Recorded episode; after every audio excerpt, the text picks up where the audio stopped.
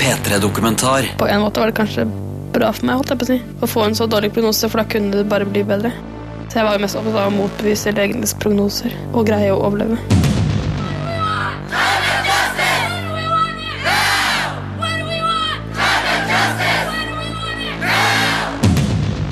Føler det veldig bra. Man føler seg virkelig at man gjør noe. Det er veldig deilig å bidra. P3. Å lenke seg fast til verden. En P3-dokumentar om Amanda som nekta å tro hun skulle dø. Jeg heter Anna Dorte Lunås. P3.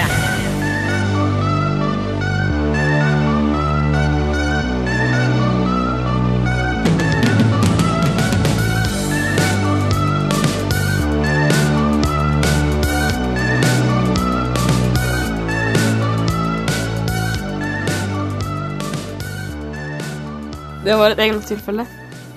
Det- Jeg gjorde det en gang. Eller jeg skrev, jeg sk jeg skrev på et blogginnlegg om min egen begravelse. Men jeg skrev jo ikke at det var, nødvendigvis var i nærmeste fremtid. Jeg hadde jo lest 'Brødrene Løvehjerte' akkurat. For å få en sånn oppmuntrende bok om døden. Det er en veldig fin bok. Eh, Så inspirert av den, så skrev jeg vel om min egen begravelse. Det skal være ute.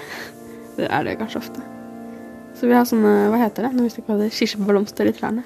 Må finne et sted det er kirsebærblomster i trærne.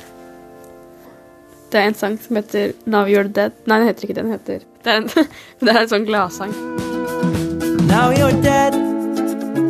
There's nothing I can do about it, nothing I can say to bring you back. Cause you're dead. And I will never see you again, and I don't know what this means, but it scares me so. Now we're stuck here in this chapel, waiting for your soul to leave. It's Amanda Orlich er 21 år og en veldig positiv person. Aller helst vil hun ikke snakke om døden og om tristheten sin. Og hun vil heller ikke at du skal kalle henne for kreftblogger. Jeg liker ikke ordet kreftblogg. Vil heller si at jeg bare blogger. Jeg vil ikke ha Amandas kreftblogg. Det kan virke som at det første man gjør etter å ha fått en kreftdiagnose, er å opprette en blogg. Amanda gjorde også det. Jeg syns ofte folk sykeliggjør seg veldig. Jeg har kanskje vært innom noen kreftblogger sånn type en gang og lest et innlegg, men ikke sånn nok til at jeg har lyst til å følge med. Noen er veldig sånn Vil bare fokusere på det. I 2009 leste halve Norge bloggen til Regine Stokke i månedene og dagene før hun døde av kreft. Regine døde 18 år gammel.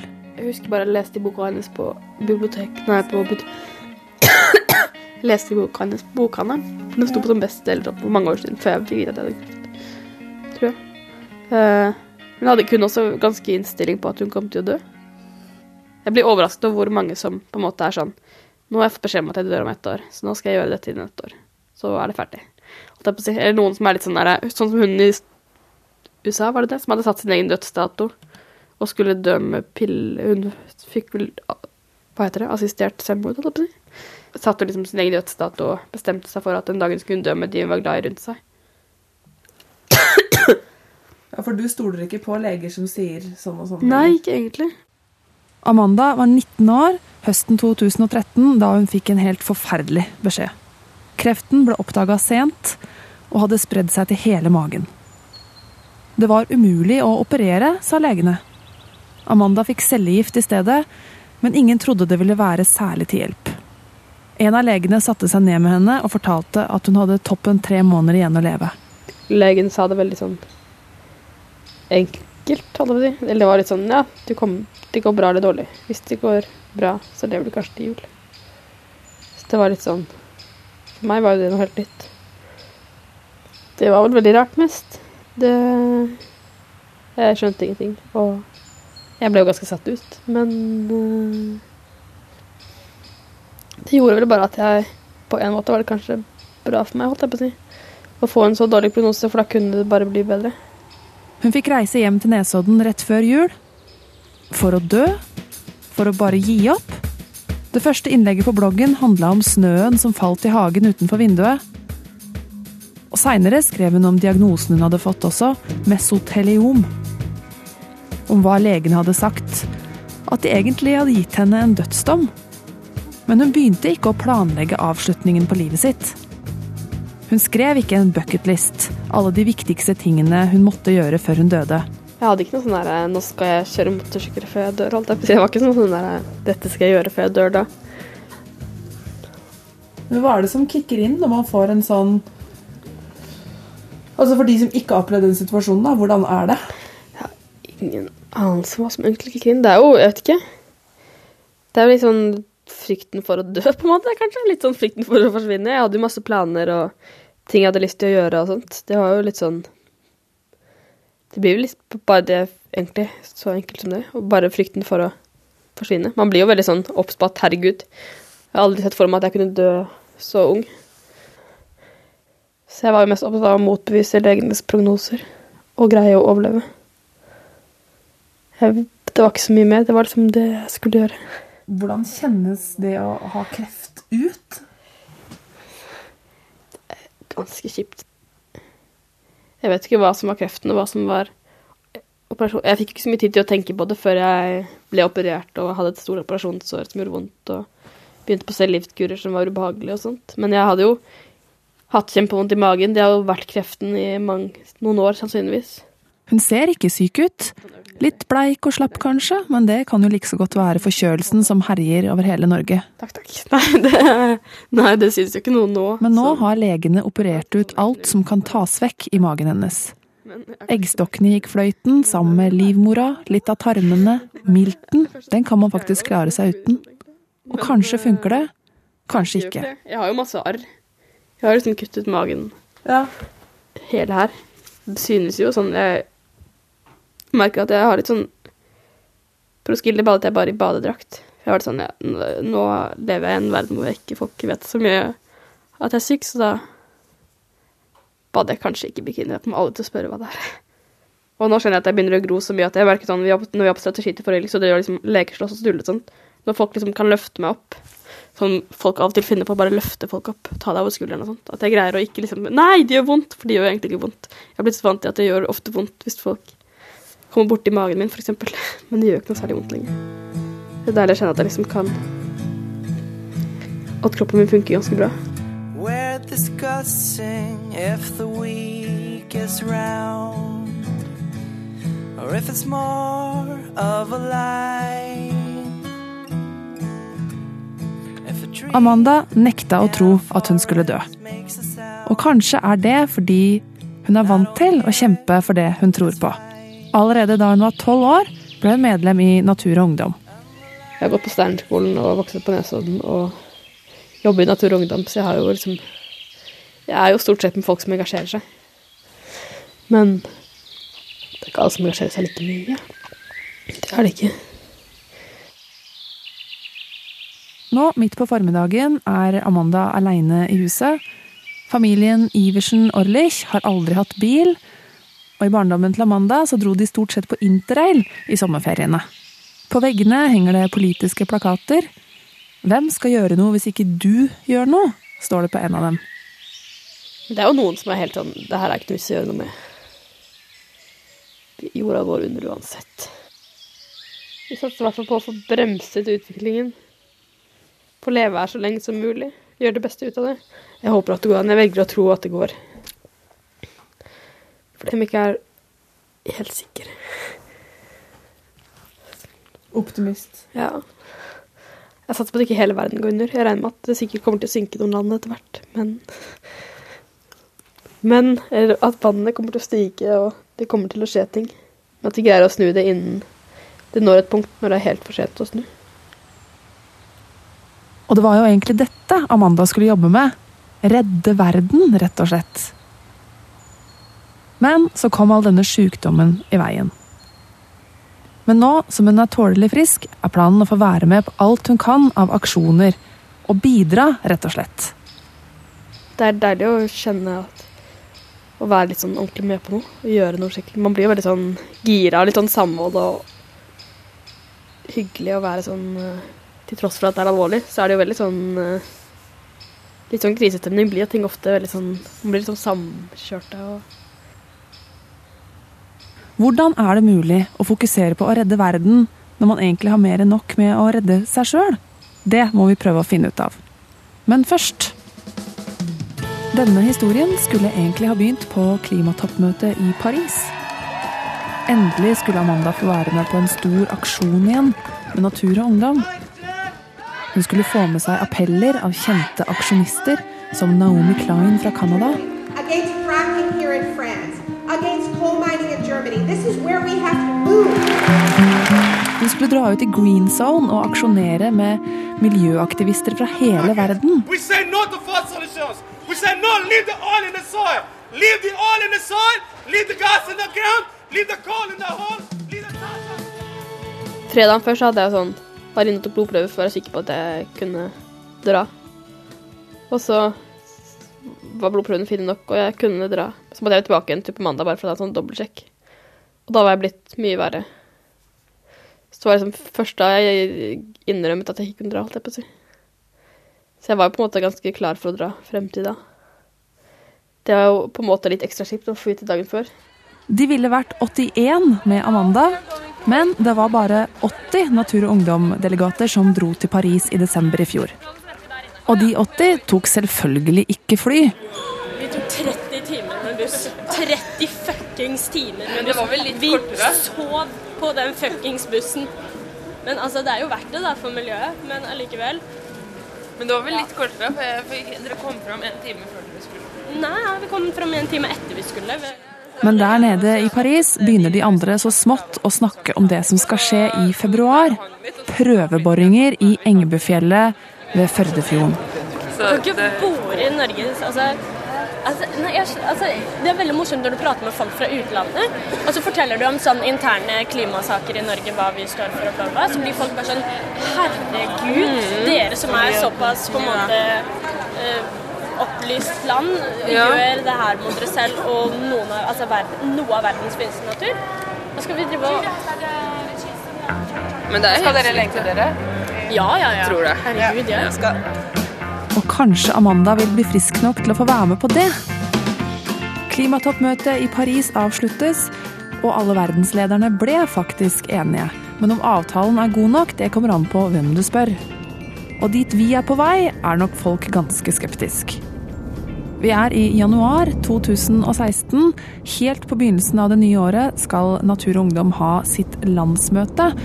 Amanda har blitt frisk nok til å dra. Hun setter seg på bussen nedover til Østfold, åpner en Farris og ser ut av vinduet. Det var godt å ha noe å gjøre denne uka her. Jeg får jo svar på tirsdag på CT-bildet som jeg tok i går. Men øh, samtidig så Jeg vet at hvis det hadde vært noe veldig alvorlig, typ blodpropp, så hadde jeg fått beskjed i løpet av dagen i dag i hvert fall. Men øh, klart det er litt skummelt å gå og vente på, øh, på svar. Og egentlig veldig deilig at jeg drar på landsmøte, for da har jeg stort sett noe å gjøre døgnet rundt. Og greier kanskje å tenke på noe annet, håper jeg da. Så det du får vite på tirsdag, er om de har funnet kreft? da, Ja, det er det. Hadde det vært noe ekstremt som de måtte gjøre noe med en gang, så hadde de jo ringt med en gang. Så på tirsdag, for jeg hvis det har vokst litt, eksempel, og de vil starte cellegift igjen, eller noe sånt, så får jeg vite det på tirsdag. Ja, og hvis det ikke er noen ting Da får jeg også vite det på tirsdag. da, da, da, jeg da snakker vi sikkert litt sånn om fremtiden. Hva som skal skje i livet mitt fremover. Da er sikkert litt sånn eh, hvordan vi skal fortsette oppfølging, og hvor ofte jeg skal ta bilder.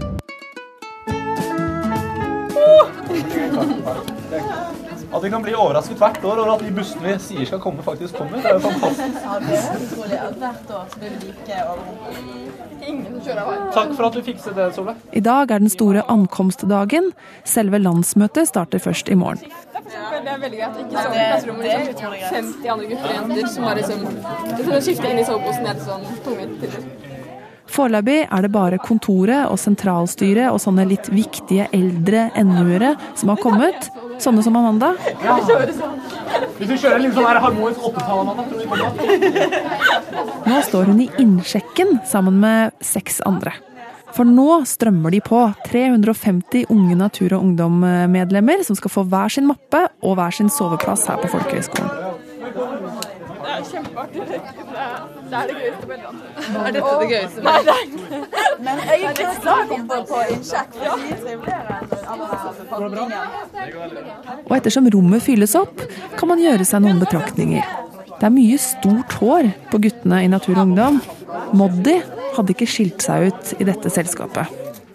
Og folk har jo pynta seg på sitt miljøvernervis. Ullgenserne er på, sekkene er fint slitte, og det er en blid og lyssinna stemning. Kjenner ikke alle som er fra nord fra Trondheim, alle andre som er fra nord fra Trondheim? Du skjønner ingenting? Hallo, det var ikke så godt. Nei. Så typisk. Det er litt typisk. Jeg er eh, halvt nording. Og en av disse ullgenserkledde unge nordlendingene gjør inntrykk på de litt eldre i innsjekkskranken. Han var da kjempesøt. Han er 99. 99, ja. Han ble 16 i desember. Ja, ok. Ja. Men nå må du roe ned eggstokkene, Anna. Jeg har ikke eggstokker!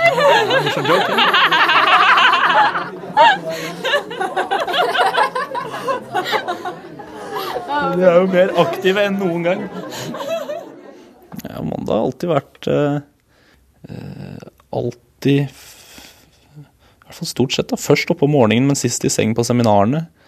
Mio er sjefen til Amanda, daglig leder i Natur og Ungdom. Eh, Den typiske seminarjenta med ullgenser, såpebobler og et kamera. Gjerne barbeint langt utpå høsten. Eh, Men med alltid et smil på lur, både til det motsatte kjønn og, og alle andre. Så en veldig positiv sjel da, i et ellers positivt miljø også. Men Amanda gir jo ikke noe Det er umulig å lese henne på hvordan det går. Eh, For det kan jo være dager hvor hun egentlig har det veldig dårlig fysisk, hvor hun er er en, en solstråle som alltid, mens dager hvor hun kanskje har det litt bedre, er da hun slipper seg ned og, og tar det litt med ro. Jeg tror jeg har til gode at det har vært noe tidspunkt hvor Amanda har vært bekymret åpenlyst. Hmm. Og Det er ikke jeg som kjenner henne best, men det er jo egentlig veldig bemerkelsesverdig. da, At det er bare vi andre som går rundt og er bekymret. I hvert fall sånn utad. Hva som foregår inni det hodet der, er ikke godt å si. Men, men det virker jo som at hun har så En ting er å si at hun skal bli frisk, som hun gjør, men, men hun tror jo virkelig på det selv. Og det, det er jo helt sikkert det som er nøkkelen også. At hun at hun ikke tviler på at hun kommer til å fortsette å kunne engasjere seg og kunne fortsette å leve det livet her. Akkurat sånn som hun selv vil.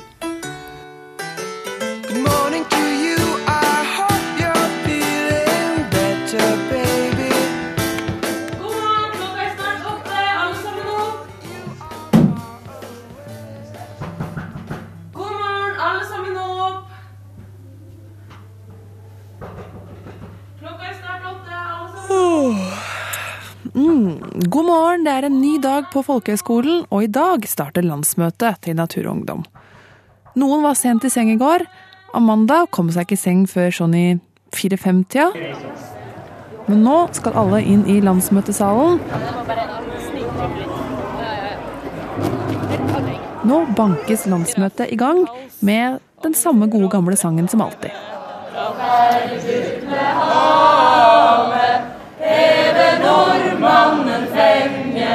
Det rasler i strikkepinner, nye ullgensere skal strikkes, og Amanda flyr mellom benkeradene og tar bilder.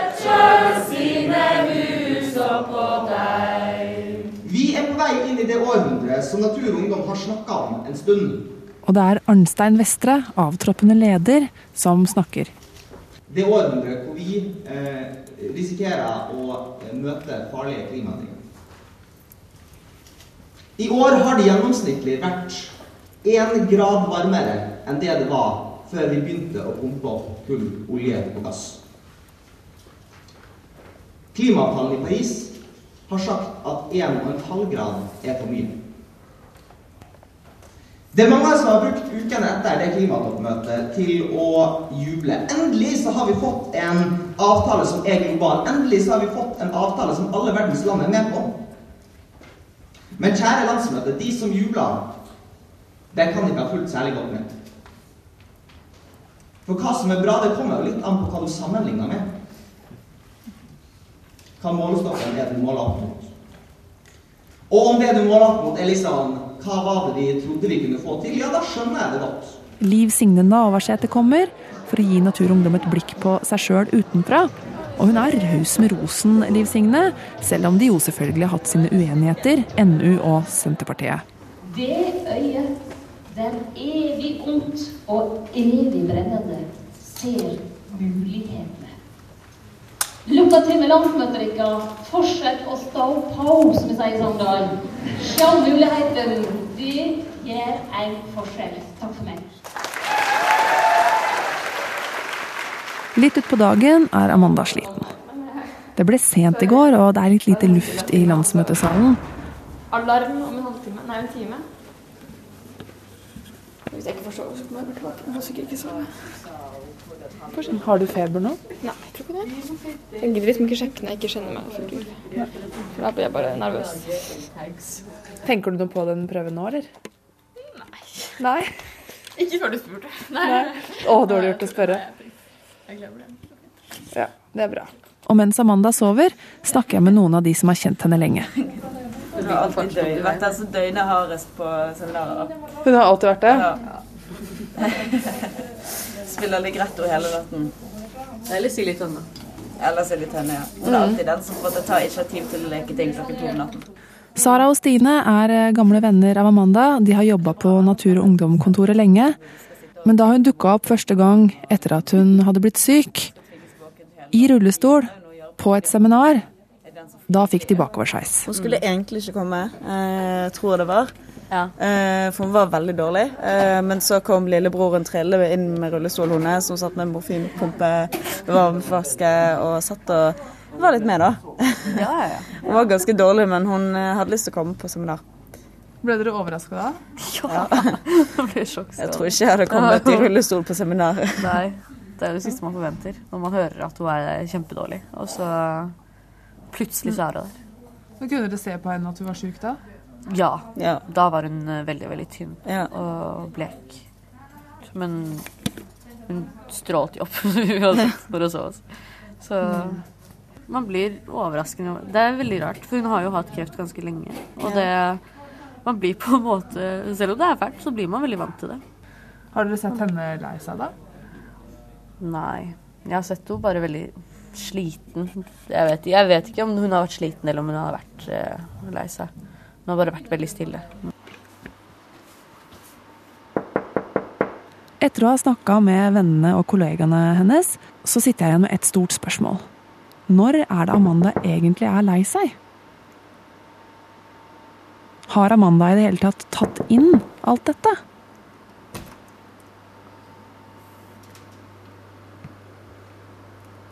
Amanda? Hei. Hvordan går det med deg? Ja? Jeg var sovnet. Hæ? Jeg var sovnet, så jeg må ikke slumret på alarmen. Å ja. Selv om vi slumret en om og om igjen. Føler du deg bedre, eller? Ja. Etter at eh, hun har hvilt, så spør jeg. Og jeg må presse litt på, for dette vil hun helst ikke snakke om. Jeg skjønner jo det at man vil jo beskytte seg, man vil jo ikke Det tenker jeg at jeg også ville ikke vært fullstendig sårbar overfor alle. Kanskje bare hjemme. Hvem, hvem er det du liksom viser fram For at du må jo ha vært på et eller annet tidspunkt i den prosessen her utrolig trist. Ja. Det er mest absolutt hovedsakelig hjemme. Det er nok mest familien som har kjent på det. si. Spesielt kanskje sånn Jeg har hatt sånne Kanskje spesielt den verste sånn høsten 2014.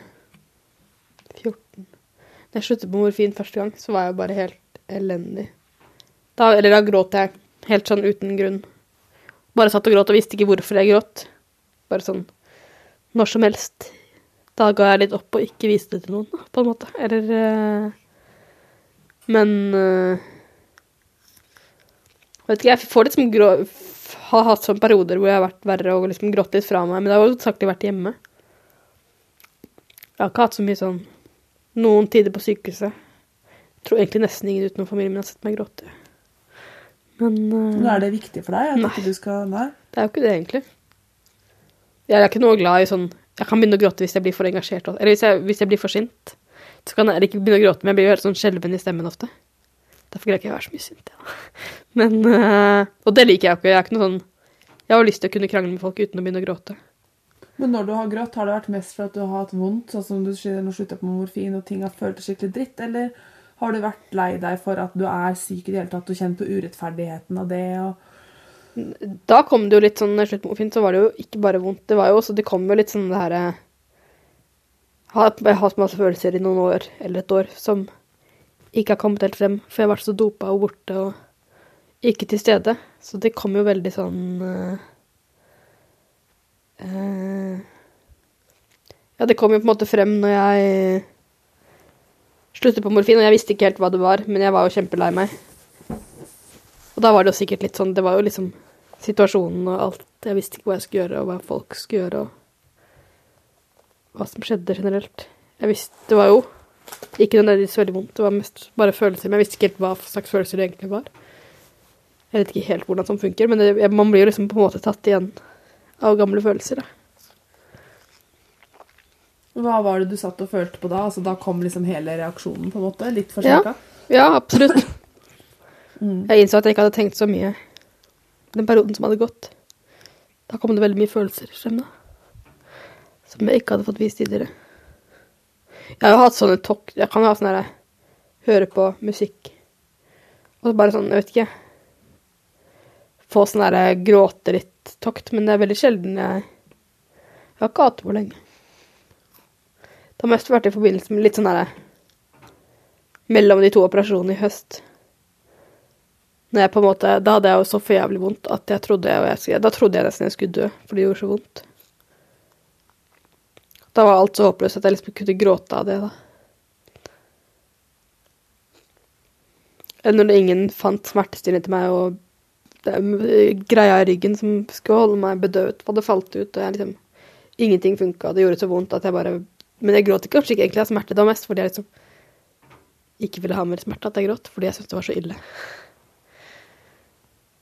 Men tenkte du noen gang da at bare sånn Det er greit, liksom. Jeg kan bare dø. Det er så vondt. Jeg tror ikke det. Jeg tenkte kanskje Nå kommer jeg til det. Det her er så vondt. Men jeg tror ikke jeg tenkte at det var greit, egentlig. Nei. Jeg tror ikke noen gang jeg tenkte egentlig. For det er jo ikke greit å dø når du Nei, er det er jo ikke det. Jeg tror aldri jeg syns det er greit. Jeg skjønner ikke folk som kan tenke det. Nei, nei, da går jeg og dør. Det er ikke helt skjønt. I Amandas boble har alt handla om å overleve, og følelsene de kom etterpå. Og det er kanskje ikke så rart. For hele tida går hun jo og venter. Kommer dette til å gå bra? Etter landsmøtet reiser hun til Oslo for å få svar på CT-prøvene. Er det noe kreft der nå? Eller har de forjævlige operasjonene hjulpet? Nå har jeg vært hos legen og fått svar på CT-prøvene. Hun tar selv med seg opptaker på sykehuset. Ingen journalister får være med inn. Det var ingen synlige kreftsvulster, men litt forstørrede lymfeknuter i magen et sted. Så det er veldig greie svar. Kanskje de lymfeknutene kan godt hende at bare er der fordi jeg har vært gjennom så mye forskjellige operasjoner, så de har ikke tenkt å gjøre noe med det med en gang. Jeg skal bare følge meg opp igjennom sånn to måneders tid. Så jeg satser på å bare ha litt fri fra sykehuset en stund. Det blir veldig deilig. Ja. Så nå skal jeg tilbake på fadderuka på jobb neste uke. Og Nei, tulla. Nå skal jeg tilbake på jobb i morgen og ha fadderuke, og så begynner vi på jobb til vanlig neste uke. Det blir deilig å komme litt tilbake til det vanlige.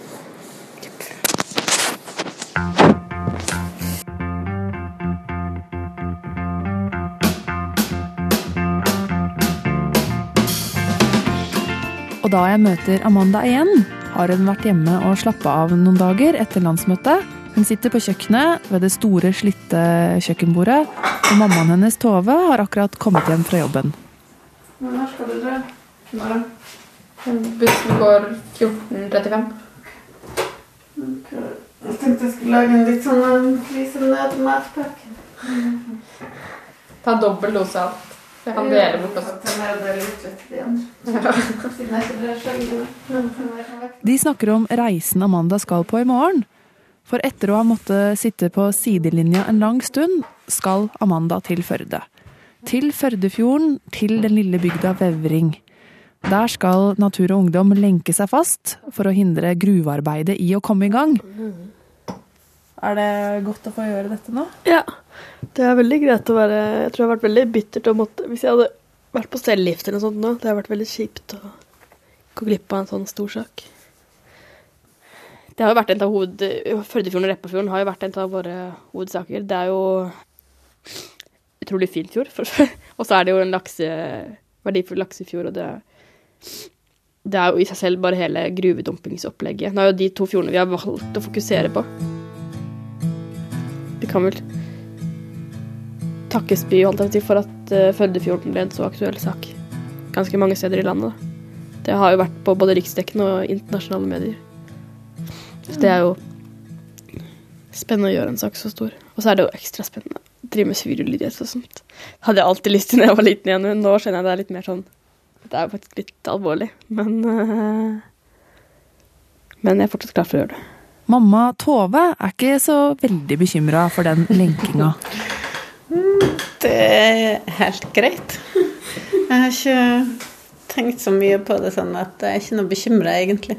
Bortsett fra det at hun blir kald og sånn, selvfølgelig. Men det blir jo alle sammen, tenker jeg. Og hun skal jo ikke lenke seg sånn på dagevis. Er hun flink til å passe på seg selv? Ikke spesielt Ikke så flink som jeg skulle ønske.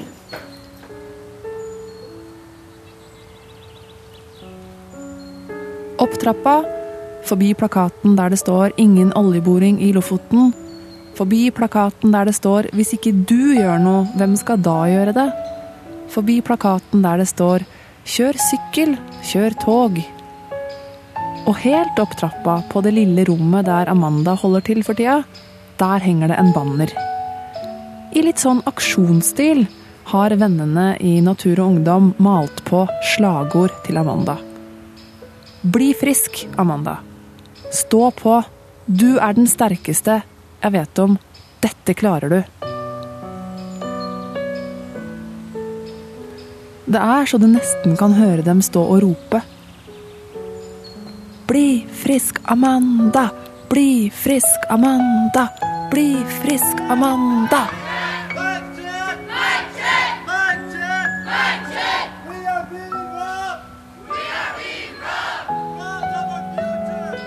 Hun har så mange venner som også er engasjert, og som òg har vært veldig sånn på banen hele tida. Jeg tenker Når de først er engasjert, så er det akkurat som man da smitter det engasjementet over på andre ting også. Kanskje også det å liksom ta vare på hverandre når det trengs.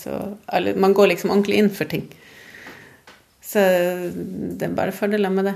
Og det har gjort at hun ville tilbake til jobb også. For hun skulle akkurat begynne på en jobb som hun gleda seg veldig til å gjøre. Hun ble jo plutselig liksom satt ut av den, så da haster det jo litt å komme tilbake og begynne å få gjort noe. Så det har sikkert vært en gulrot Mm. for å komme seg opp og ut. Har du blitt imponert over henne på noe tidspunkt?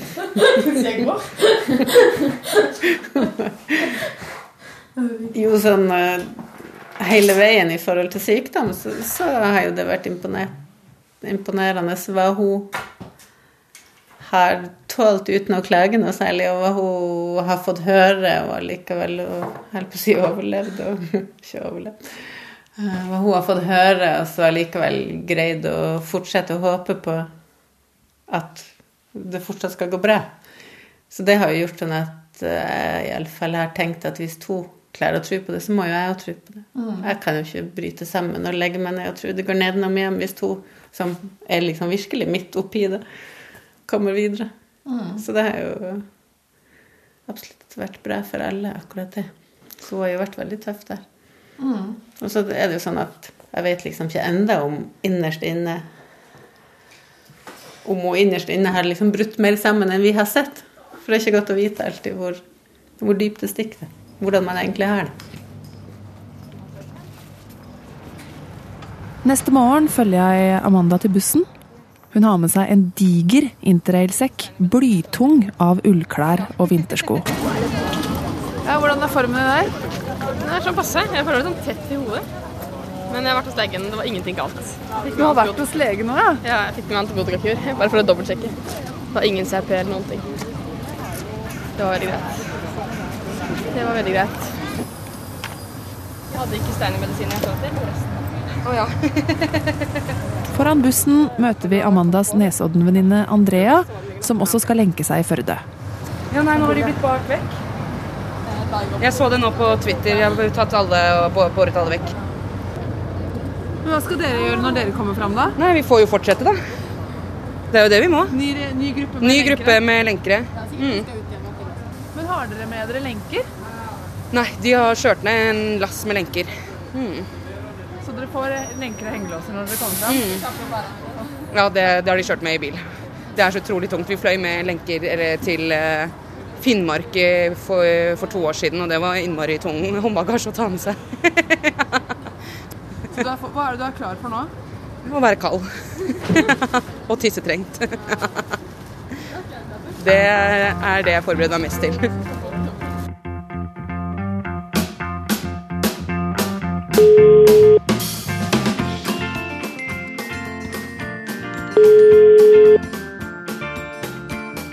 Amanda og du? Hei, det er Anette. Hei sann. Hei. Er du eh, i Vevring, eller? Ja, det er jeg. Ja, åssen går det? Det går veldig greit. Eh, Hvordan var det å sitte lenka da? Hvordan føltes det for deg? Det var kaldt. Vi hadde en skikkelig forblåst dag på fjellet, men det gikk veldig greit. Når vi, når vi til slutt skulle Vakten skulle ta oss over, over av noen andre, så hadde vi egentlig bare lyst til å sitte der litt til. Politiet hadde ikke kommet. Og... Ja. Hvordan føles det nå etter at du har gått glipp av så mange ting, og du fikk ikke dra til Paris og alt det der? Hvordan føles det nå å få være med på en eh, ordentlig aksjon? Jeg føler det veldig bra. Man føler seg virkelig at man gjør noe. Det er veldig deilig å være her og bidra. Eh, Jeg skjønner jeg skulle jo egentlig bare være noen dager, tenkte jeg. Men nå har jeg ikke lyst til å dra hjem igjen, så jeg vet ikke helt hvor lenge jeg blir Det. En stund til i hvert fall.